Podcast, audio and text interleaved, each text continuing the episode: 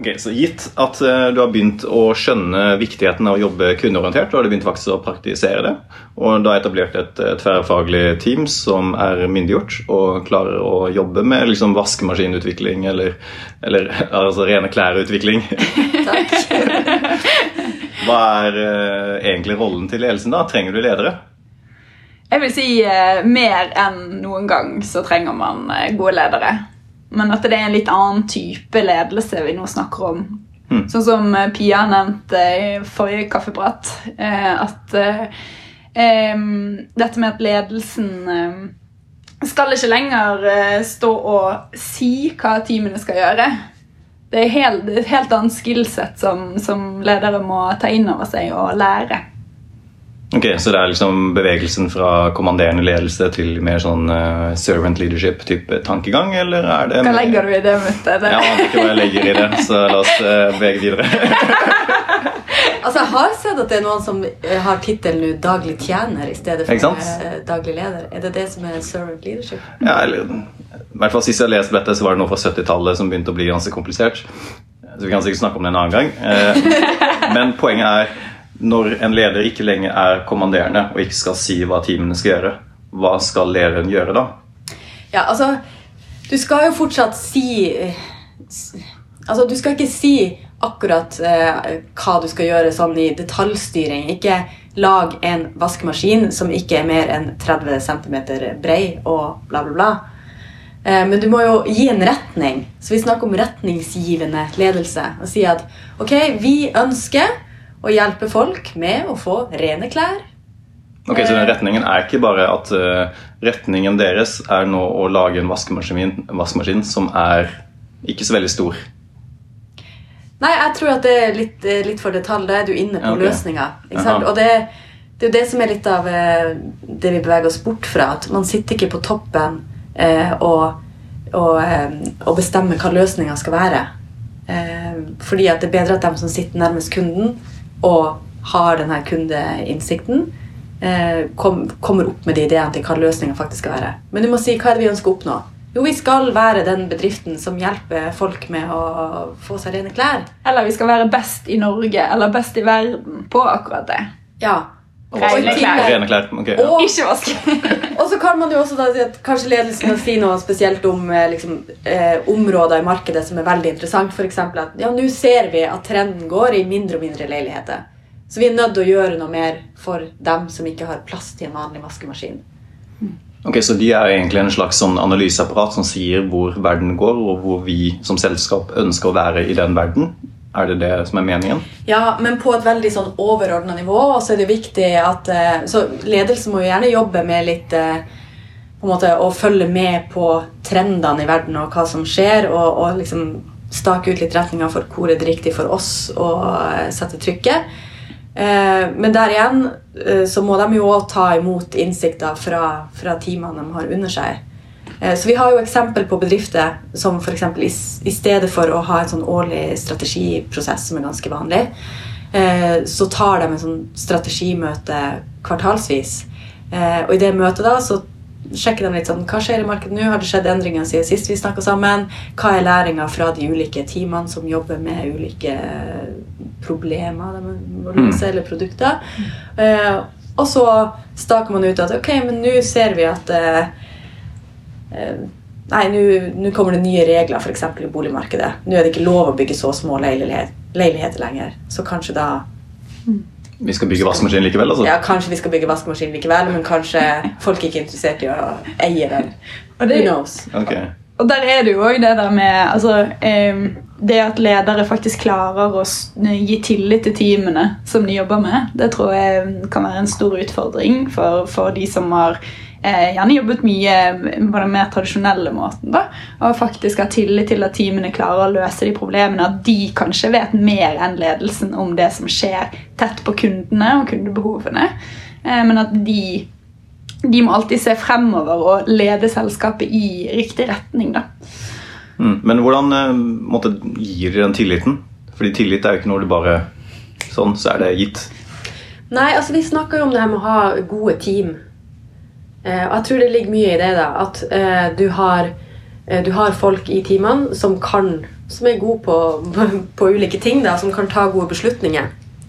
Og så vil det jo sikkert være en prosess der du over tid må på en måte bevise at du klarer å levere. Men det som jeg kanskje tror, eh, bare sånn, siden du starter med å spørre trenger vi egentlig ledelse, så ja, som Hilde Marie sier, vi, vi trenger eh, ledelse, i hvert fall hvis du har mange team. Du trenger en slags koordinerende apparat. Um, men det kan jo hende at noen av de mellomlederne forsvinner. At du får Mm. typisk det som har vært en mellomlederrolle i dag, er kanskje folk som går mer inn i et team og er med på å ta beslutninger der sammen med flere andre. Så det er ideelle, så den ideelle organisasjonen er da liksom en ledergruppe og diverse team under tverrfaglige team? Myndiggjorte tverrfaglige team under den ledergruppen? Det, det, det, kan, det kan være en mulig, en mulig løsning der. At man, man ikke har måte, så mange mellomledd som tidligere. En flatere struktur.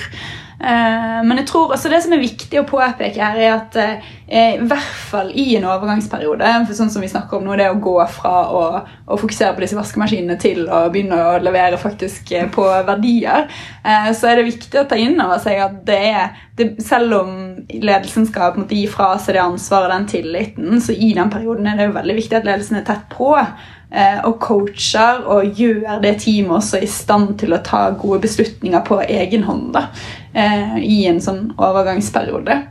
Okay, med, Det kan være en måte å bygge tillit på også, da. Mm. Så det er liksom en sånn gradvis overgang fra kommandering og løsningsorientert ledelse til en slags myndiggjort Det er jo ikke noe som skjer over natten, det. Ikke sant?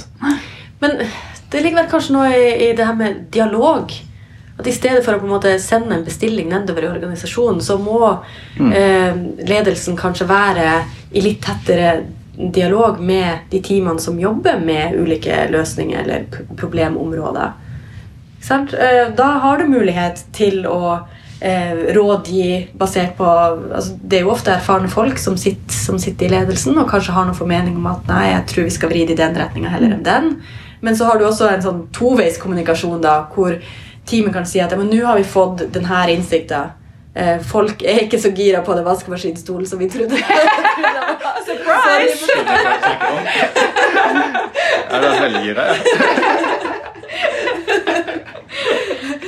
Nei, men altså Har du flatere struktur og har du mer uh, hyppige møteplasser, da, så, så tenker jeg at du kanskje får en litt annen dialog eh, som gjør det lettere å både få til den toveissparinga og skape mer, mer tillit og trygghet. Og så handler det, Jeg tror også det handler om å forstå si, litt sin rolle i organisasjonen. Og, og det med både, altså at det skal være greit å pushe både opp og ned.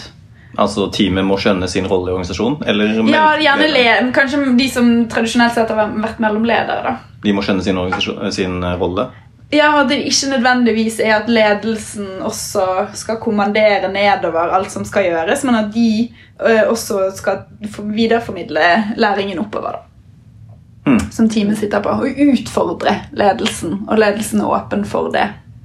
Det er litt interessant. En, en bedrift som vi kjenner ganske godt, de har jo sånne smidig coach. Det er vel ikke helt uvanlig. Som både coacher da, eh, teamene til å jobbe mer smidig, men som også coacher ledelsen. Eh, for å få liksom, ledelsen til å forstå eh, hva som ligger i det å jobbe smidig og jobbe med de her hyppige læringssyklusene som man snakker om, og hva teamet trenger da fra ledelsen. Hvilken type ledelse er det de trenger. Mm. Eh, så det tenker jeg litt interessant. Altså, det er jo en slags eh, Det som Hilde Marie sa, at det er ikke gjort over natta. Det er jo et liksom, skifte i mindset. Og det å gi fra seg beslutningsmyndighet er jo ikke nødvendigvis eh, det, det går kanskje litt mer gradvis. Men i det å gi fra seg beslutningsmyndighet og gi tillit, så mister du også kontroll som leder. Ja, eh, kanskje, men, eh, men det spørs jo litt sånn eh, hva du legger i kontroll, om du har behov for å liksom, detaljstyre ting, eller om det er at du møtes eksempel kvartalsvis og får eh, status på alt som skjer. Det, det gir deg jo også vil jeg si, bedre kontroll enn å ta et årlig eh, møte hvor du liksom får en rapport om det her prøvde vi, sånn gikk det. Eh, ja. Jeg tror mye løses eh, ved det som eh, Pia nevner om eh, dialog. Hyppig dialog. Mm. Å ha liksom disse ja, litt ja, når det oppstår problemer i teamet eller fra ledelsen, at man møtes og snakker om de tingene. Ok, alright. Og så bare, bare spole litt tilbake til det du var inne på helt innledningsvis her med, med servant leadership. Mm. Eh, det er Det tenker jeg vi kan eh, snakke om i neste runde, da, for det er litt interessant. Eh, det er en stor lederoppgave i det her er jo knytta til ressursallokering. Ja, ok, ja. Alright. Spennende. Yes.